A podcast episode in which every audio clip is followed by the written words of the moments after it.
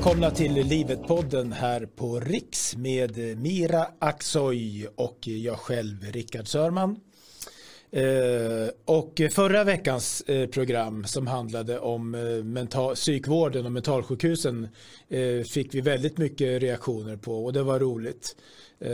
Och människor skrev till oss och det blev stora debatter även på sociala medier. Och jag talade faktiskt lite efteråt med en del ansvariga politiker också. Så att eventuellt är det någonting på gång längre fram eh, åt det hållet i alla fall. Om jag förstått rätt. Men du Mira, vad är det vi ska prata om idag? Ja, idag ska vi prata om ensamhet. Vi kom ju in lite som kortast på det ämnet eh, förra veckan också. Eh, och då upptäckte vi att det är ett väldigt stort och brett ämne så vi vill gärna prata mer om det. Mm. Så det är väl det vi ska fokusera på idag.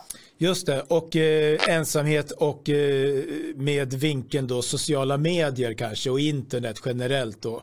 Vad det har gjort med ensamhet men också med ensamhetens eh, motsats, alltså samvaro, gemenskap och så vidare.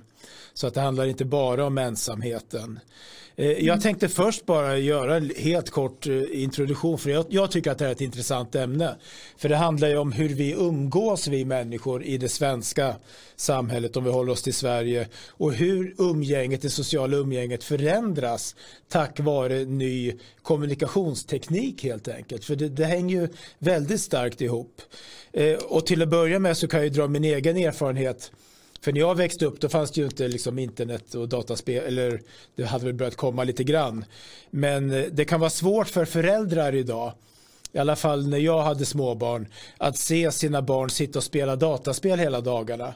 Och man tänker att de bara isolerar sig. Sen efter ett tag så uppmärker man eh, att de umgås ju med andra när de sitter och spelar ofta. Man spelar online Eh, och eh, skaffar sig vänner över hela världen och sådär.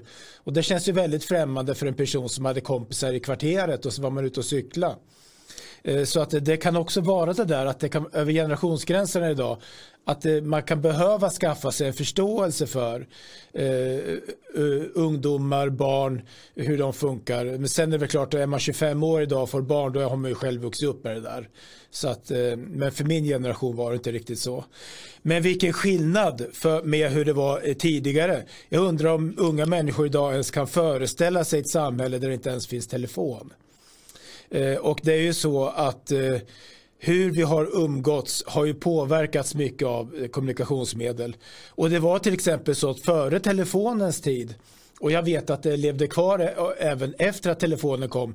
Då, då åkte man hem till människor på oannonserade besök. Eh, alltså speciellt på söndagar. Vilket knappast sker längre. Jag skulle aldrig åka hem till en vän och ringa på dörren utan att ha talat om innan.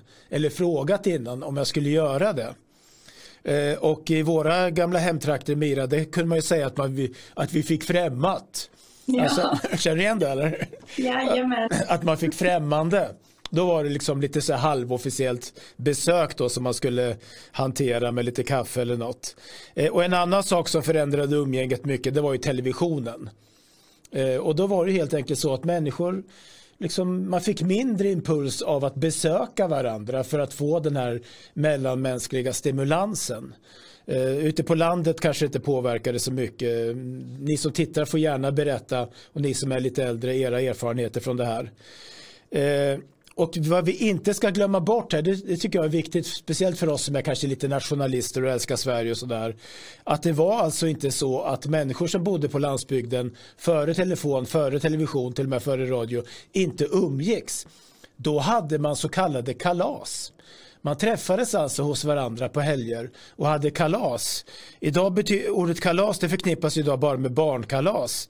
Men det fanns alltså dopkalas, annandagskalas, bondkalas, knytkalas. Man kunde ha kalas för vad som helst. Och så åkte man hem till varandra och turades om och bjuda och så drack man och festade och så vidare. Eh, och det har ju liksom till viss del förändrats av då sociala medier. Och där har jag då som är eh, plus 50, under 60, eh, har liksom upplevt det där. Hur det där har, har påverkat. Och eh, frågan är ju då idag om det faktum att det är så lätt att ha ytliga kontakter och inte bara ytliga utan även ganska intima. Man kan ju börja prata liksom om, om personliga saker med människor man inte känner också. Om det har gjort oss mindre ensamma eller mer ensamma. Eller om det handlar om att det har blivit båda två på en och samma gång. Vad har du för grundtankar här Mira? Sociala medier och ensamhet? Ja, jag tänker väl lite som så att eh, det är båda delar faktiskt. Att man kan, man kan få känslan av att man har ett stort socialt kontaktnät om man håller tät kontakt med vänner eller bekanta på sociala medier och, och i sådana meddelandesappar och, och liknande. Ja. Eh, samtidigt som man kanske sitter helt isolerad när det väl kommer till kritan, att man kanske är helt ensam eh, oavsett var man bor, om man bor i, i storstad eller på landsbygd. Eh, så där tror jag att det är, man kan nästan luras lite ja. av, av den här känslan av att man är social när man har kontakten och sitter och, och fnittrar och flinar och att, eh, och att när man skämtar med, med vänner i sociala medier samtidigt som man egentligen är ensam. Så det kan ju handla om en, en upplevd känsla också. Ja. Eh, mm, så det är nog lite båda och tror jag. Eh, jag tror också det faktiskt, för att när jag började tänka lite på det här så var min grundinställning då att ja, det vore intressant att se om det har gjort oss mer ensamma, man har den här inställningen. Men jag är inte bara negativt inställd till det här faktiskt. Eh, för hur den är så, eh, så tror jag att de som var ensamma innan de här eh, verktygen kom. Och det finns ju människor idag som inte använder dem också för den delen, speciellt äldre kanske. Så kunde nog ensamheten vara mer plågsam. För då hade man liksom inga röster, ingen som kunde svara på ett meddelande, ingen som hörde av sig, eh, utan det var än mer isolerat. Och även om det är så att det kanske inte är samma sak som att träffa någon fysiskt, man går ut och träffas, man tar kaffe, man tar en öl, man kanske gör någonting tillsammans, så finns man ändå kanske för någon eh, om man får ett likes på sin lilla bild eller om man får ett svar på sitt meddelande på Messenger. Det är i alla fall någon form av social interaktion eh, som jag tror faktiskt kan vara ganska välgörande för många som eh, är ensamma. Eh, och alla kan ju uppleva sig ensamma i perioder, det där går ju upp och ner och så vidare. Mm. Jag ser det ganska, ganska positivt faktiskt egentligen. Mm. Ja men precis, det finns ju också människor som är väldigt introverta som ja. kanske hindras eh, av, av det när, när det kommer till sociala sammanhang. Att man kanske väljer att stanna hemma istället för att gå på en, en, ett kalas. eller, eller sådär, eh, för att träffa nya människor. Att man kanske trivs med antingen ja, men en eller ett, ett litet antal eh, nära vänner. Och så mm. kanske man då har fått möjligheten via sociala medier att ta del av andra människors perspektiv och få kontakt med andra människor som man kanske inte hade vågat ta kontakt med. In, ja, utan sociala medier då eftersom man kanske är för blyg då så att säga, introvert. Man inte, eh, att det inte kommer naturligt, för det är ju inte för alla det kommer naturligt att söka kontakt hos nya människor och våga ta för sig så. Eh, och sen så har vi också, om vi ska ta svenskhet, svensk kultur som, som eh, en aspekt i det här så är det ju faktiskt så också att de flesta svenskar, skulle jag i alla fall vilja säga, eh, har det så här att man, man hänger gärna ihop med människor man har lärt känna i ett sammanhang som till exempel eh, när man var barn, kanske universitetet och sen så släpper man inte riktigt in nya människor i den gemenskapen. Eh, och då kan sociala medier också vara ett steg in där att man kanske får kontakt med ett nytt kompisgäng. Jag menar, många flyttar runt idag. Förr kanske man bodde i samma by eller stad hela livet.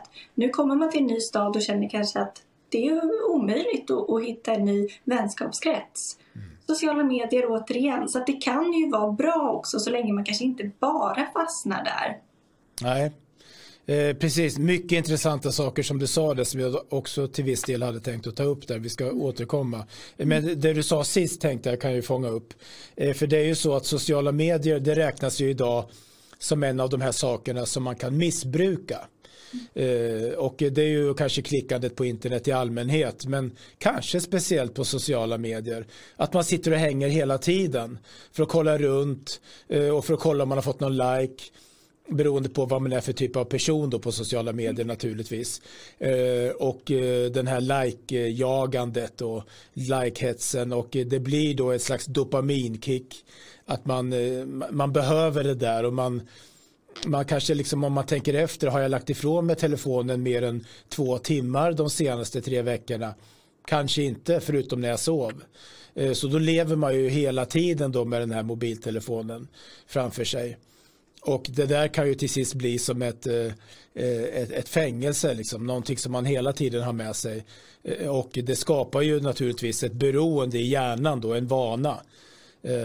Och det finns ju jättemånga intressanta aspekter av det. Det kan ju till exempelvis bli så att man tappar förmågan att läsa längre texter för att man tappar den koncentrationsförmågan.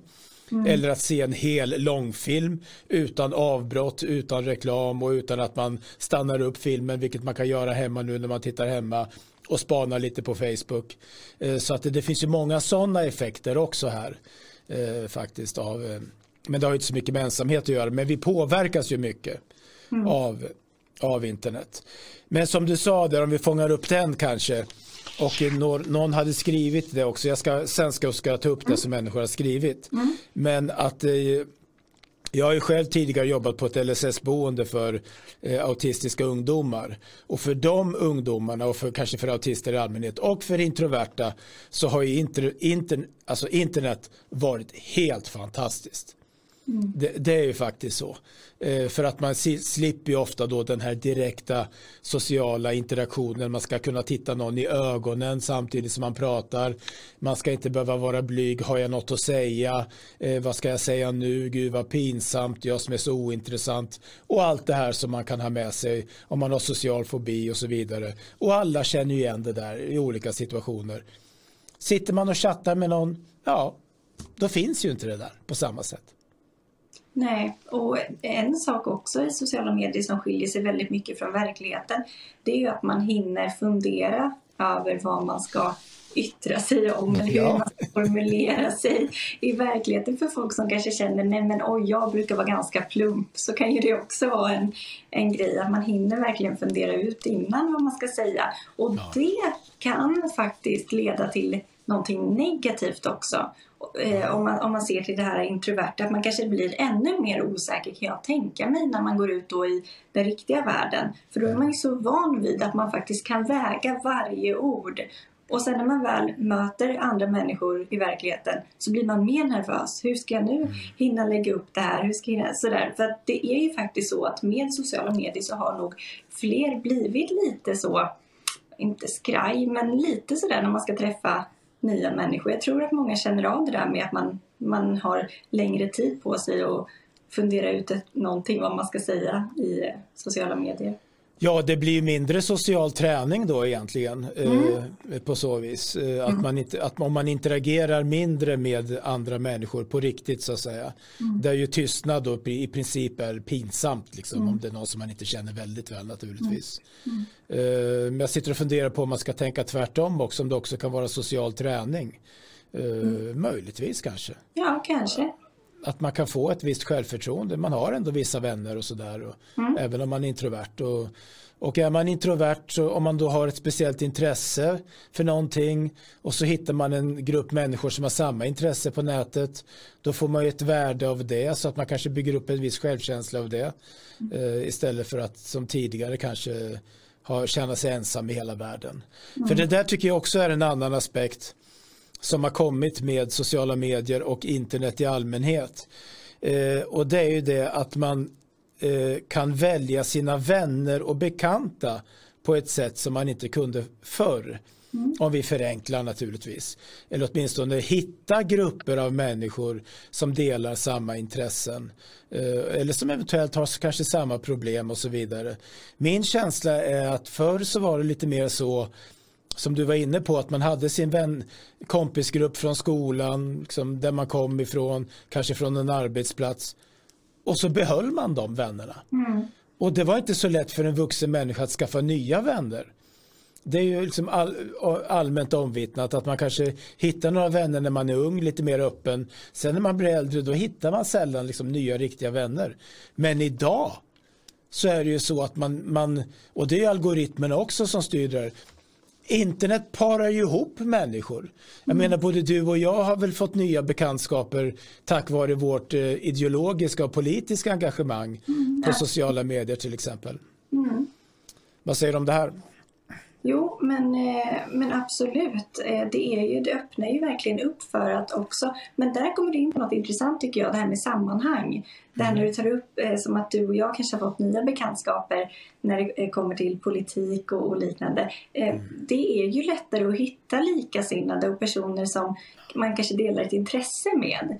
Man kanske bor mitt ute ingenstans och så har man ett väldigt specifikt intresse och så kanske man inte känner någon på den platsen som delar det intresset. Nej. Då öppnar ju hela världen upp sig framför en egentligen. Ja, just. Jag kom bara att tänka på när jag på skoj skickade en sån där inbjudan till en Facebookgrupp till en gammal vän till mig och det var en Facebookgrupp för människor som är intresserade av liar. Alltså man slår med lie. Och han undrade vad han skulle göra där. Men det var ett sånt exempel då på att det finns ju i princip grupper eh, och intressegrupper för allt idag. Mm. Eh, faktiskt på, på sociala medier. Och inte bara eh, intressen utan det kan ju också finnas grupper för människor som har en viss typ av erfarenhet. om man har varit utsatt för vissa typer av brott, sexuella övergrepp, man har en viss personlighetstyp. Ja, då finns det ju grupper för det på mm. sociala medier och internet. Och det finns mängder av information på internet om det här. Eh, så att jag tror ur den här aspekten att många människor är nog mindre isolerade och mindre ensamma med sin särart om man säger mm. så. Mm. För att om man förr i tiden då lärde känna 50 personer som bodde ungefär i närheten eller som man hade gått i skolan med. Ja, hur många av dem var det som delade just den där erfarenheten eller just den där speciella intresset? Ingen. Nej. Eh, men, och så nu kanske det finns då 5000 personer i Sverige som också är intresserade av hur man slår en lie. Ja, men då träffar man dem. Ja. Mm. Och det, det, har ju verkligen liksom öppnat upp för det här faktiskt. Mm. Eh, och jag tror kanske att många av våra tittare också har eh, vänner som det heter på Facebook i alla fall och fått bekanta och kanske varit ute och träffat dem som man har fått genom sitt politiska intresse nu. Mm. Absolut. Jag vet att jag själv har ju faktiskt en av mina närmaste tjejkompisar eh, vi träffades faktiskt i sociala medier. Träffades om man nu kan säga så. Ja, och, och det är ju väldigt häftigt att, att man då kan ja, men knyta ett vänskapsband över liknande intressen och, och tankar och sådär. För eh, ur mitt perspektiv då som eh, relativt fortfarande ung, ja, du är så ung så. Som, som är eh, konservativ och, och sådär, det kan vara väldigt svårt att eh, att hitta likasinnade kvinnor som man samtidigt delar intressen med. Ja. Eh, så det är ju sociala medier väldigt bra för, för det har ju för mig verkligen gett mig en chans att att eh, träffa på ja, likasinnade kvinnor som jag kan umgås med och liksom knyta mm. band med. Ja visst, och så man kan liksom lära av varandra och så känner man sig mindre isolerad. Verkligen. Eh, mm. Eh, och det är också en, om vi tar just det där också då möjligheterna här eh, så är det ju så att både du och jag sitter här då och eh, jobbar med vårt intresse nu kan man ju säga. Ja. och för min del så om inte internet hade kommit och den här nya politiska alternativmedierörelsen på internet då hade jag antagligen fortfarande arbetat som universitetslärare. eh, för, för det var tack vare det som jag då liksom upptäckte det här och började arbeta som opinionsbildare och sen så kunde jag också ha min utkomst av det. Mm. så för min del har det varit helt fantastiskt faktiskt. Ja. Eh, men du, eh, om vi går tillbaka till ensamheten då lite grann. Om vi ser det negativa också, eller det möjligt negativa. För allt har ju ofta två, varje mynt har ju två sidor. Tror du att det här med eh, att man hänger mycket på Facebook, eh, kan det också bli en tomhet till slut? Eller vad tänker du? En, en trötthet, tomhet, att man upplever det som en, eh, som en slags eh, ensamhet framför en skärm i alla fall? Eller vad tänker du om det här?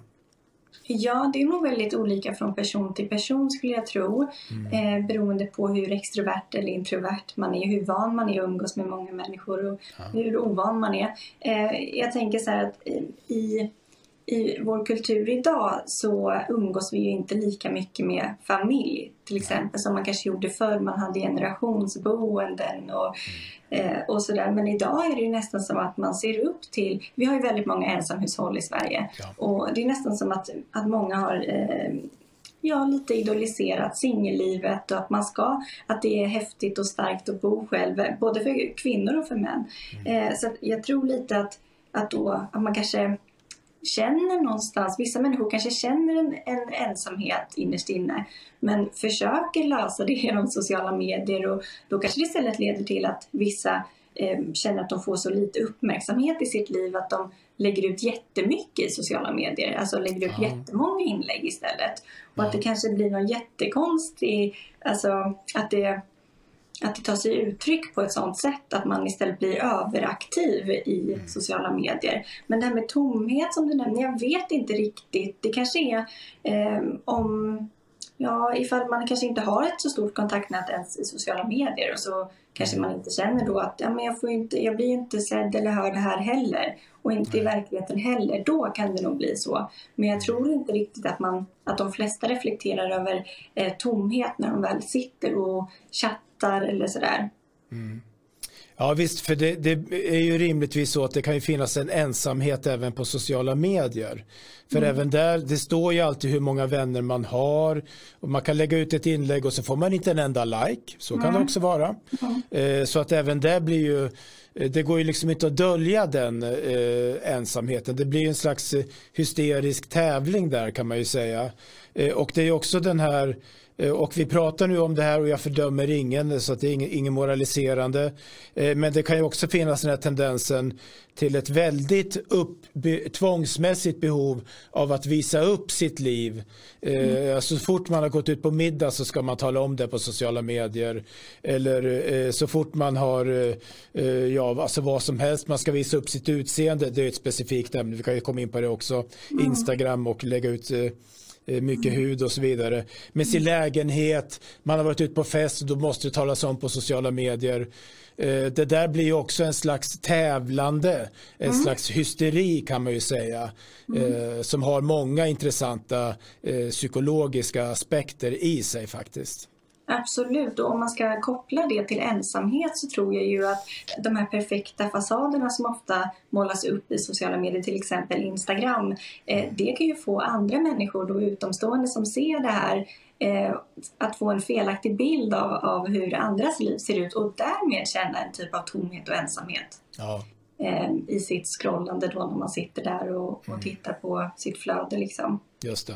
Det där är ju viktigt naturligtvis att komma ihåg. Man pratar ju om filter här och rent fysiskt så kan man ju lägga filter över bilder som man lägger ut på sig själv på Instagram till exempel mm. så att man ser tio år yngre ut.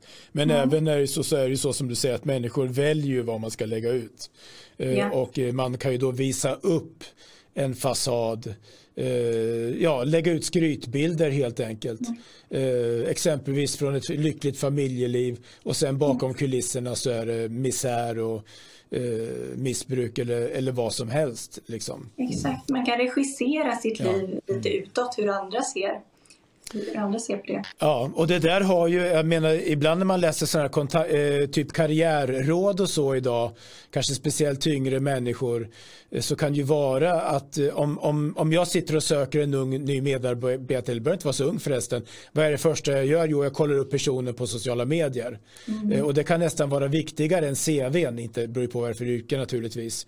Så att där har det också en, till viss del faktiskt en, en, en reell roll. I alla fall om man tänker sig en professionell eh, karriär inom vissa yrken där man vet att människor sitter och tittar på sociala medier. Eh, då kan det ju vara bra att man har regisserat en, mm. en offentlig bild av vem man är och vad man ägnar sig åt och, och så vidare. Mm. Ja, eh, Ska vi titta lite på vad människor har skrivit till mig? Det kan vi göra. Ja. Jag la, la ju ut som vanligt då frågan eh, åsikter och vi kan ju komma in på ett ämne som du kanske kan kommentera lite grann. Och det kan väl jag också göra för sig. Någon som skrev, eh, även, jag citerar, även detta med tjejer som lägger ut och säljer sexvideos och nakna bilder på sig själv. Och det behöver inte vara sex, men vi, det finns ju det där Onlyfans-fenomenet. Jag tror att många av våra tittare känner till det och Instagram.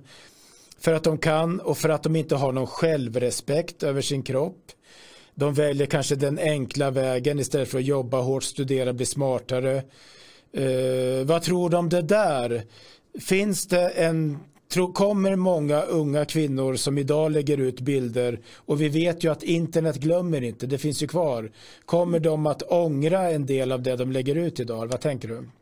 Det absolut, det tror jag. Det finns ju redan eh, kvinnor som har gått ut med det här men då är det ju framförallt i andra länder som till exempel USA. Eh, man har ångrat att man har lagt ut för att man har svårt att få jobb i efterhand för att någon har spridit de här bilderna. Ja. Eh, och sådär. För då, ifall det är någon som inte vet vad Onlyfans är så är det ju då främst eh, eh, kvinnor som eh, säljer bilder och videos på sig själva när de är nakna i, i sexuella sammanhang. Så att eh, det, jag tror inte att det är en jättebra idé och speciellt det, det är så många väldigt unga eh, kvinnor som håller på med det här och det är lite oroväckande faktiskt. Jag tror absolut att man kan se eh, framför sig att det kommer finnas en del ånger nu i de här tiderna när ens, ja, ens vad ska man säga, ens personlighet utåt är så viktig. Till exempel hur man har då regisserat upp sitt liv i sociala medier. För det här kommer mm. som du säger Rickard, det kommer alltid finnas kvar. Ja. Och det där är ju också, det, det, risken med det där, alltså det här blir nästan lite så feministisk diskussion. Är, är det här tecken på kvinnlig agens, självständighet, frihet? De använder sin kvinnlighet för att tjäna pengar eller är de offer? Och problemet är väl kanske om man har unga sårbara kvinnor eh, som behöver bekräftelse eh, och som får då den här väldigt starka bekräftelsen eh, av att de är vackra och fina och underbara och tjäna pengar på det till och med. Eh, och så tappar de alla perspektiv liv. Mm. Och det kan gälla alla på sociala medier, att man glömmer bort att det här är ett offentligt rum. Och så mm. lägger man ut bilder på sina egna barn som sover och sådär. Vilket jag kan tycka är lite märkligt att man har tappat perspektiv faktiskt. Mm. Eh, det där är också en risk kanske att vi, mm. eller också så tänker jag bara liksom too old fashioned här. Att, mm. att det där inte gäller unga människor, eller vad tänker du? Nej, men jag tror att det yttersta här det är faktiskt integritet. Och ja. det är ju egentligen ett annat ämne. Eh, mm. Men integritet i kombination med sociala medier. Mm. Och eftersom att hjärnan inte är färdigt förrän man är 25 år gammal så de här tjejerna som kanske är 18, 19 när de börjar med det här för de tänker att det är eh, eh lättjänade pengar Mm. Eh, det finns många filmer som sprider sig i USA, det har varit tidigare i sociala medier som har trendat att de kan köpa sin första bostad, de här tjejerna, för att de har då eh, sålt bilder och, och, videos på sig själva till, till män på Onlyfans. Och mm. eh, då, man har nog inte riktigt det konsekvenstänket då när man är, när det kanske är sju år kvar då tills hjärnan är eh, fullt utvecklad med konsekvenstänk. Så att eh, det är Ja, jag vet inte om jag skulle säga heller att det handlar om ett offerskap och jag tror inte heller att jag skulle säga att det handlar om någon typ av frihet eller sådär. Visst, det är ju frihet att få göra vad man vill men mm. ja, det är en svår fråga det där. Ehm. Ja visst, och det beror ju på indiv från individ till individ också. Och, mm. Eh, hur man hanterar det.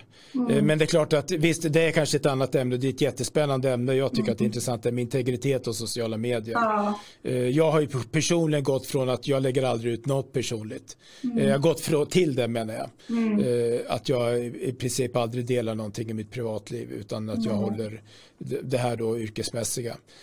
Men då har jag ju då också då det här jobbet där, jag, där vi är opinionsbildare så då kan vi mm. lägga ut det. Uh, och vi får ju också uh, likes, så vi är ju också inne i det där att man vill få uppmärksamhet. Och, så mm. det, det, ska man ju inte förneka. Mm. Mm. Uh, en annan aspekt, det var någon som skrev så här. Det är väl då det här med hur vi umgås när vi sitter så här fast vi, sitter, fast vi är på dejt med någon eller fast vi sitter på jobbet. Någon skrev så här. Svar på frågan om sociala media. Det är det kort sagt det nya sättet att umgås. Eh, eh, jag kan beskriva hur det var på en personalfest som jag var på. Vi skulle komma varandra närmare. Vad hände? Alla satt med sina mobiler i handen. Vi var tillsammans, men alla var ensamma med sina mobiler. Uh, ja. Och det nog ett, ett sammanhang som många lyssnare kan känna igen sig i. Ja. Och då är det inte bara i ett sånt eh, sammanhang utan jag tror att vi alla någon gång har suttit med personer runt om oss, kanske familjemedlemmar eller vänner och sen helt plötsligt upptäcker man att oj vad sociala vi är. Ja. Eh, och det är ju ett ganska tidstypiskt fenomen. Ja. Eh, eh, jag, jag, tycker att vare sig man skulle gå på dejt eller man bara träffar någon bekant eller vän eller vad som helst. Eh, typ om jag skulle gå ut någon kväll med någon gammal manlig vän och ta en öl eller sådär. Då är mitt absoluta råd till alla som gör det. Stäng av mobilen. Mm. Eh, alltså jag blir, nu ska jag, jag brukar aldrig tala liksom om mina egna känslor och så här, men jag blir faktiskt irriterad på den. Eh, och jag, jag, är liksom storsint, människor får vara hur de vill och jag ger inga allmänna regler. Men ska man umgås med någon, det är inte så att man blir imponerad för att någon, de måste ta ett telefonsamtal eller för att de liksom måste kolla mobilen, utan tvärtom. Och det är också ett intressant ämne, vi kan ju snudda vid det, så visar man ju att man har kontroll över sitt liv och att man kan ha liksom det här privilegiet att man kan ägna två, tre timmar åt ett personligt möte utan att vara fast vid mobilen. Det är, så, det är så man ska tänka. Absolut, och då måste jag nästan flika in där att ända mm. sedan barnsben så har jag haft med mig att vid middagsbordet då har man absolut ingen mobil. Eh, man har inte med sig den, man har den inte på bordet, man tittar inte, man svarar inte om det ringer. Och det tycker jag är faktiskt en, en, någonting som alla eh, skulle kunna implementera. Eh, mm. För det, det finns ingen anledning att sitta med sin telefon när man sitter och har en måltid tillsammans med någon annan. Ja visst, att man umgås liksom. Det, ja. det, det, är bara, eh, och det är det där med status. Det brukar Alexander Bard som ju kan mycket om det här och har skrivit och pratat mycket om det här. Han brukar ju prata om det här med status liksom. Och att det, eh, det är klart att det är status att vara eftertraktad på internet. Att ha massa människor som skriver meddelanden och man är liksom upptagen och man har så mycket på gång och sådär. Men i ett sånt samhälle där man hela tiden är då uppkopplad och har kontakter med människor. Då blir det ju tvärtom status och visa att jag kan koppla av det där. Mm. och när jag har träffat kända människor som är betydligt mer kända än vad jag är som är någon kanske liten C-kändis på Riks då har jag aldrig sett att de har plockat fram mobilen när man har talat med dem. Utan det är precis tvärtom. De visar tydligt att nu har jag tid för dig och vi samtalar med varandra eh, och mobilen den sköter jag när jag är ensam. Liksom. Mm. Mm. Och du kom in här lite på, du pratar om, om eh, kändisar och C-kändisar och sånt där. Ja, just det. om man har, eh, gemene man har ju, ja de flesta i alla fall, sociala medier eller någon, någon sån plattform. Mm. Eh, jag tänker om det skulle kunna skapa en förväntning eh, på människor som man aldrig har träffat. Alltså att om man kanske eh, känner någon eh, på internet och så skapas det förväntningar och så är man lite annorlunda Eh, i verkligheten. Vad tänker du om det rent socialt? Så blir det nästan som att den här, det här socialiserandet kan bli lite eh, fejk eller att det kan upplevas fejk om man skapar sig en förväntning. Bra ja. fråga. Mm. Mycket bra. Det där känner jag igen naturligtvis. Mm. Jag, jag har tänkt så här att om man eh, då får kontakt med någon person som man upplever som intressant eh, vare sig det är av liksom vänskap eller kanske möjlig kärlek och sådär. Mm man börjar projicera sina önskningar på den personen. Mm. Hur man vill att den ska vara. Mm. Eh, tror jag till viss del. Det är lätt att man lever i en fantasivärld. Mm. Eh, och det där tror jag kan förklara kanske varför människor ibland kan bli så fort så privata med främlingar. Ja. För man tror att man känner varandra. Mm. Eller att man har någonting gemensamt. Och så träffar man dem och så märker man att det inte alls var som man hade föreställt sig. Eh, och om vi skippar det här ämnet med dejter som alltid är lite mer känsligt. Om det bara skulle vara liksom en manlig bekant för mig. Då kanske jag märker att det är en person som inte lyssnar på vad andra säger. Jag får mm. sitta och lyssna i två timmar på en självupptagen narcissist. Eller att det, det är någonting annat som inte framgick så ja. länge man bara hade den här skrivna kontakten. Mm. Eh, och då har man liksom projicerat in sin bild på hur, dels att man sina önskningar men också så är det ju så att det här med rösten, förmågan att samtala, eh, kroppshållning, allting mm. är ju en del av personligheten som inte kommer fram faktiskt. Mm. Så länge man bara har det här skrivna utbytet och så några väl utvalda profilbilder som man då kanske ser och där människor ofta ser yngre och snyggare ut än vad de egentligen är. Liksom. Mm. Mm. Precis. Eller vad tänkte du på när du sa det där? Var det någonting sånt? Eller? Nej, men det var absolut det där jag var mm. och, ute efter. För att det, jag tror att det bildas mycket förväntningar när man, speciellt ja. om man kanske då bara har kontakten i sociala medier under en längre tid. Ja. Jag kommer på en annan grej också jag gärna vill hinna mm. ta upp och det är det här med, eh, vad ska man säga, typ envägskommunikation. Eh, ja. Det är väl sådär att eh, i, på Instagram framförallt, där finns det ju en funktion som heter Story. Och eh, där, där är det typ som att man kommunicerar med andra men mm. ändå inte. Och det är lite mer intimt än kanske att göra en hel post på Facebook eller att publicera ett inlägg på Instagram. Mm. Eh, och då är det lite också som att man håller kontakten, upplever jag. Till exempel vänner som man, och bekanta som man inte träffar särskilt ofta eller sådär. Då ser man ändå vad de har för sig. Och det mm. kanske också egentligen kan vara ett hinder i eh, i ens sociala liv och för att inte känna sig ensam och sådär, eller att inte vara ensam.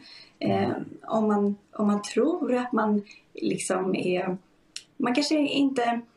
Om man inte har träffat någon på länge så kanske man inte tänker på att man inte har gjort det eftersom man ändå har hängt med i andras ja. liv. Typ. Ja, jag förstår. Att förklara men... Jag, Nej, tror... men jag förstår vad du menar. Mm. Det är det här då att man tänker först då att sociala medier skulle vara ett substitut men egentligen har man inte träffat någon. Men som vi sa också, det finns också den positiva sidan. Mm. Man kanske har liksom en viss interaktion i alla fall. Ja. Eh, eh och så att det är liksom både och här. Mm. Eh, faktiskt. Ja, för det kan ju också den här storyfunktionen, den kan ju också öppna upp för att till exempel om jag lägger ut någonting på min Insta-story, då upplever jag att det är många som då tar kontakt genom att svara på den. Och det är ja. roligt, för då kan man hålla kontakten på det sättet. Eh, och jag gör själv likadant när jag tittar på andra stories. Eh, ja. Men så det, det, går såklart åt, åt båda hållen där. Mm. Men upplever du som är eh, opinionsbildare och eh, eh, och då har funnits på sociala medier och sådär även långt innan du började på Riks. Mm. Upplever du ibland att ensamma människor kan söka kontakt med dig eller ja. är det liksom bara det här eh, Alltså för människor skriver ju till oss ibland och kommer med tips eller svarar på det vi gör och så vidare. Men kan du uppleva ibland att ja, nej men jag måste svara för annars får du dåligt samvete och sådär?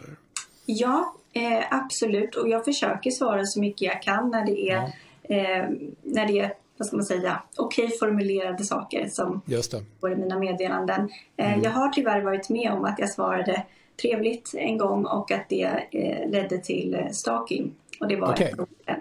Ja, jag förstår. Så, att, så att man får vara lite, lite försiktig med vad man väljer att, att svara på ändå. Samtidigt som man har det här att man, man, man har typ lärt sig lite att se eh, vad för typ av intentioner det kommer med ofta. Ja, det, bara... det, det, jag tror att det är lite skillnad här för kvinnor och män också eh, ja. faktiskt. Eh, så att som kvinna får man nog vara lite mer försiktig. Ja. Eh, och jag brukar också försöka svara och nu tänker hon, han svarar inte när jag skrev. Och så, så, kanske det kan vara. Men jag, om det kommer för mycket då orkar man ju inte läsa allting och svara utan det, det, går liksom inte. Så att det kan ju vara ett tips kanske för de som söker kontakt mm. och, och, speciellt med liksom personer som är mer kända än vad vi är. Mm. Att skriver man långa haranger så läser de inte för att det det, det, man hinner inte och man orkar inte. Och Nej, det blir för mycket. Ja, det blir för mycket. Mm.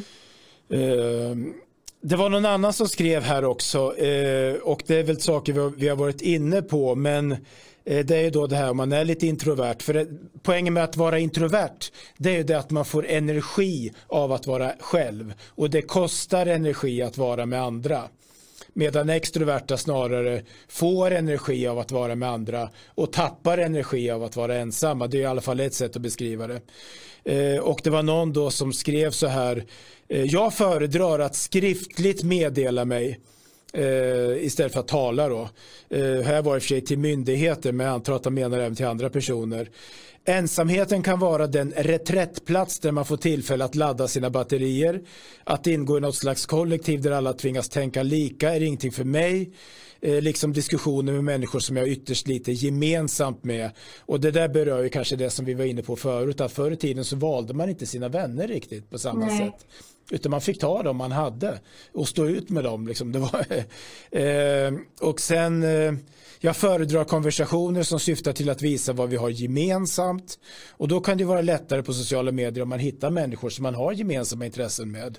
Ensamhet är med andra ord ett privilegium och en oas i ett kaotiskt mörker. Det var fint skrivet faktiskt.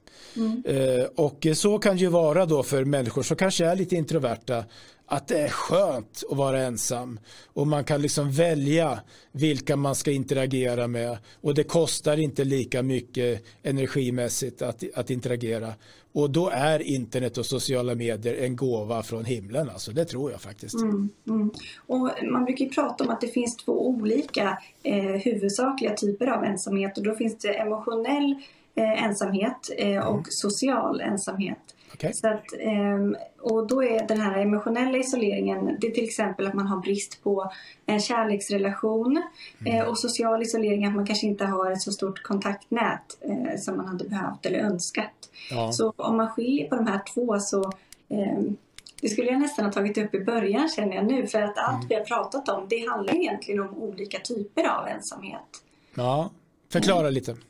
Jo men till exempel då om man har Eh, om man har emotionell isolering, eh, då kan det ju vara till exempel som det här med att vi har väldigt många ensamhushåll i Sverige och det har blivit den här eh, frigörelsen och det är lite så att jag skulle nästan säga att i kulturen så finns det något som säger att ja, men man ska inte eh, slå sig ner innan man är 30 för då blir man kallad ung förälder även om man kanske är då i familjebildande ålder och, mm. och sådana där grejer. Och det, den här kulturen som förr då när man hade generationsboenden och det var, man bodde kanske mindre, eh, på mindre orter och sådär och man träffade sin kärlek i ganska ung ålder och så. Mm. Och nu att man lever ensam längre så att den här emotionella ensamheten eh, Ja, det blir ju en typ av isolering. Att, att inte ha...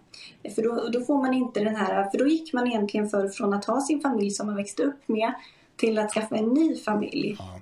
Mm. Men nu drar det ut på tiden tills man skaffar den här nya familjen. Och sen så skiljer man sig också när man har skaffat familjen. det också. Det är väldigt höga skilsmässosiffror. Och när barnen blir stora så flyttar de till en annan stad så då har man inte samma kontakt i alla fall. Att, nej, mm. nej, precis. Nej, men det är bra att du sa, det var en bra precisering. Eh, eh, för internet kan ju, vi har väl kanske talat en hel del om den sociala mm. ensamheten då, eller, eller icke-ensamheten. Ja. Att man träffar människor som tänker likadant, som man kan tala med. Men den här emotionella, att man har liksom ett närmare band, att det är människor som betyder någonting. Mm. Eh, den kanske inte eh, löses med internet på samma sätt. Om det inte är så, för någon skrev det också, jag tror att det var den sista jag sparade här som skärmdump. Eh, det är fler som har skrivit men jag kan, jag kan inte ta upp alla. Eh, så här skriver någon annan. Jag har för mig att de flesta par träffas via internet idag. Tidigare var det på arbetsplatsen. Sociala medier och internet är guld för introverta men en tragedi för unga som mobbas. Ja, det är ett annat ämne. Men just det här med att träffa kärleken på internet. Eh, men då är det klart att då träffas man kanske först där och sen så bygger man upp det emotionella eventuellt då. För man, om man gör det innan, vågar jag påstå, man har träffats då handlar det kanske om det här att man projicerar den här önskan på den här personen. Man, man, man liksom fantiserar det den och den och så och så kommer den personen att vara. Mm. Eh, och sen så träffar man personen och så är det inte alls så. Nej, utan, utan, utan, den emotionella gemenskapen den bör ju byggas efter att man faktiskt har börjat interagera på riktigt. Absolut. Eh, ska vi ta något ämne till? Eh, ensamhet och eh, att vara ensam och själv och stark och allt det här hänger också ihop med narcissism tänker jag. Mm. Det är liksom en slags eh, eh bristande förmåga att vara social. Eh, att man då har det här behovet av att förhärliga sig själv. Det kan ju ta sig olika uttryck narcissism, så det är ett, men det är ett intressant ämne. En del påstår att sociala medier har förvärrat narcissismen i samhället. Att fler människor blir narcissister, alltså att man älskar sig själv, man är upptagen av sig själv. Jag säger inte att det stämmer, men vad tror du? Eh, om vi tänker Instagram och en del människors behov av att ständigt lägga ut bilder på sig själva och, och även det här skrytandet kanske som kan finnas. Har det något med narcissism att göra? Vad tänker du? Jag vet inte om det har just Nej. med narcissism att göra. Däremot att man kanske har blivit mer självupptagen, många. Eh, till exempel då att man är ute med sina vänner och käkar lite middag eller sådär och så måste man ta tusen miljoner bilder och filmer för att det överhuvudtaget ska ha hänt. Eh, och då är det just för att man ska kunna visa upp sig själv, vad man gör för någonting, att man har ett liv i sociala medier. Eh, så på det sättet så tror jag just att man är själv, kanske mer självupptagen. Man är mer, eh, det finns ju väldigt många liksom, selfies ute och florerar på mm. internet och det är poser och det är liksom eh, sådär och då är man ju, då fokuserar man ju mer på sig själv och de här ytliga aspekterna av sig själv än man kanske gjorde förr. Mm. ja, så narcissism, ja, det, det, är jag inte säker på. Men just självupptagenhet, kanske att man blir lite mer självgod också. Låt säga att någon överöses med eh, komplimanger dagarna i ända och sådär. Att man eh, tar åt sig lite för mycket av ja. mm. Likes. Jag tror, att, jag tror att du har helt rätt alltså, för narcissism är ett starkt ord, det är en personlighetsstörning mm. om man tar det ordet för vad det egentligen betyder.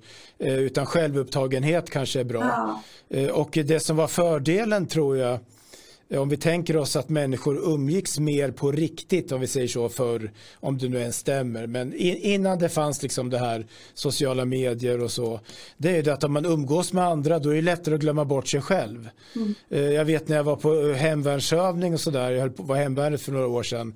Eh, och då var man liksom helt och hållet upptagen av uppgifterna och, och man pratade med folk. Så kom jag hem efter fyra dagar men gud jag har inte tänkt på mig själv på fyra dagar mm. alltså det var som att jag bara hade försvunnit. Men jag var ju där och interagerade socialt som en människa, som en social människa.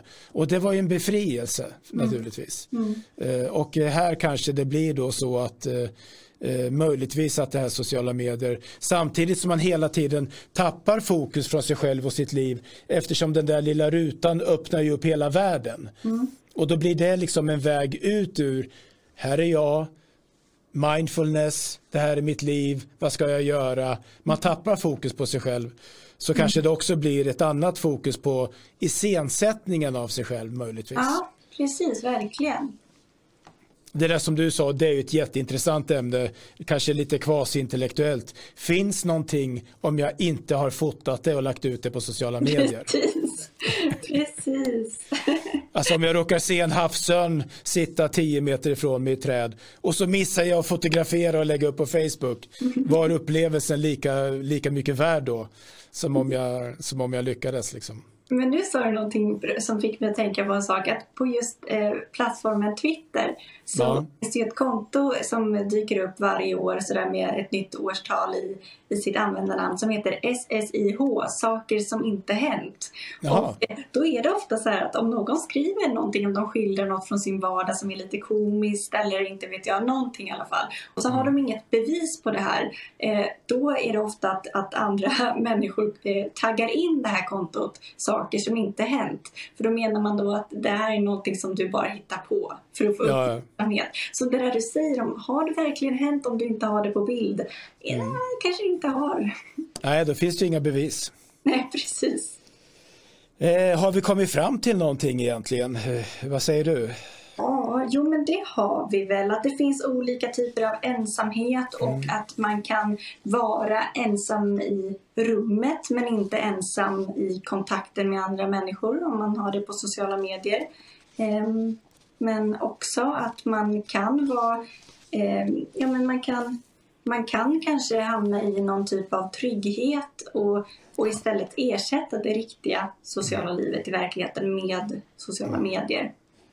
Ja, eh, jättebra. Jag håller, men det kanske var det du uttryckte här, men den här dubbelheten, ambivalensen. Eh, mm. Det är faktiskt så att sociala medier och har varit fantastiskt för många människor. Och jag tänker ofta på det här hur lätt det är att kontakta gamla vänner, avlägsna mm. släktingar som jag kanske inte har haft kontakt med på 30-40 år. För att det är så lätt att bara skicka ett messengermeddelande. Jag menar förr så var man ju tvungen att ringa till någon. Och det var ju lite pinsamt. Då var man ju tvungen att föra ett samtal. Liksom. Man mm. ringde ju inte bara hur som helst. Så att det är mycket lättare på så vis att mm. skaffa ytliga kontakter och att upprätthålla ytliga kontakter också. Mm. Eh, faktiskt. Och det här tycker jag har varit positivt. Eh, sen så kan man ju, det är också så att sociala medier och internet är fortfarande ett nytt fenomen. Sen så vet vi ju inte hur tekniken kommer att förändras. Snart så kanske det blir någon slags tredimensionell grej, jag kan inte ens föreställa mig. Men det kan ju vara så att människor som växer upp nu lär sig att hantera det här på ett annat sätt. Och att man lär sig att göra skillnad mellan eh, den eh, eh digitala gemenskapen och den fysiska. Eh, eller också så tänker de till slut att det inte finns någon större skillnad. Mm. Eh, det är svårt att förutsäga. Mm, verkligen. Bra, vi slutar väl där. Det blev lite längre än vanligt men det här är ett intressant ämne. Stort tack Mira. Och tack. stort tack alla som har lyssnat och tittat. Och eh, skriv gärna i kommentarerna vad ni har för tankar kring det här. Och föreslå gärna ämnen som ni tycker är viktiga i vår samtid när det gäller våra eh, våra privatliv, hur vi lever, hur vi lever med varandra och hur vi söker lyckan på denna, i denna ändliga värld där vi inte vet vart ifrån vi kommer och vart vi ska. Det är inte så lätt att vara människa alla gånger. Tack för denna gång och tack för att ni tittar på Riks.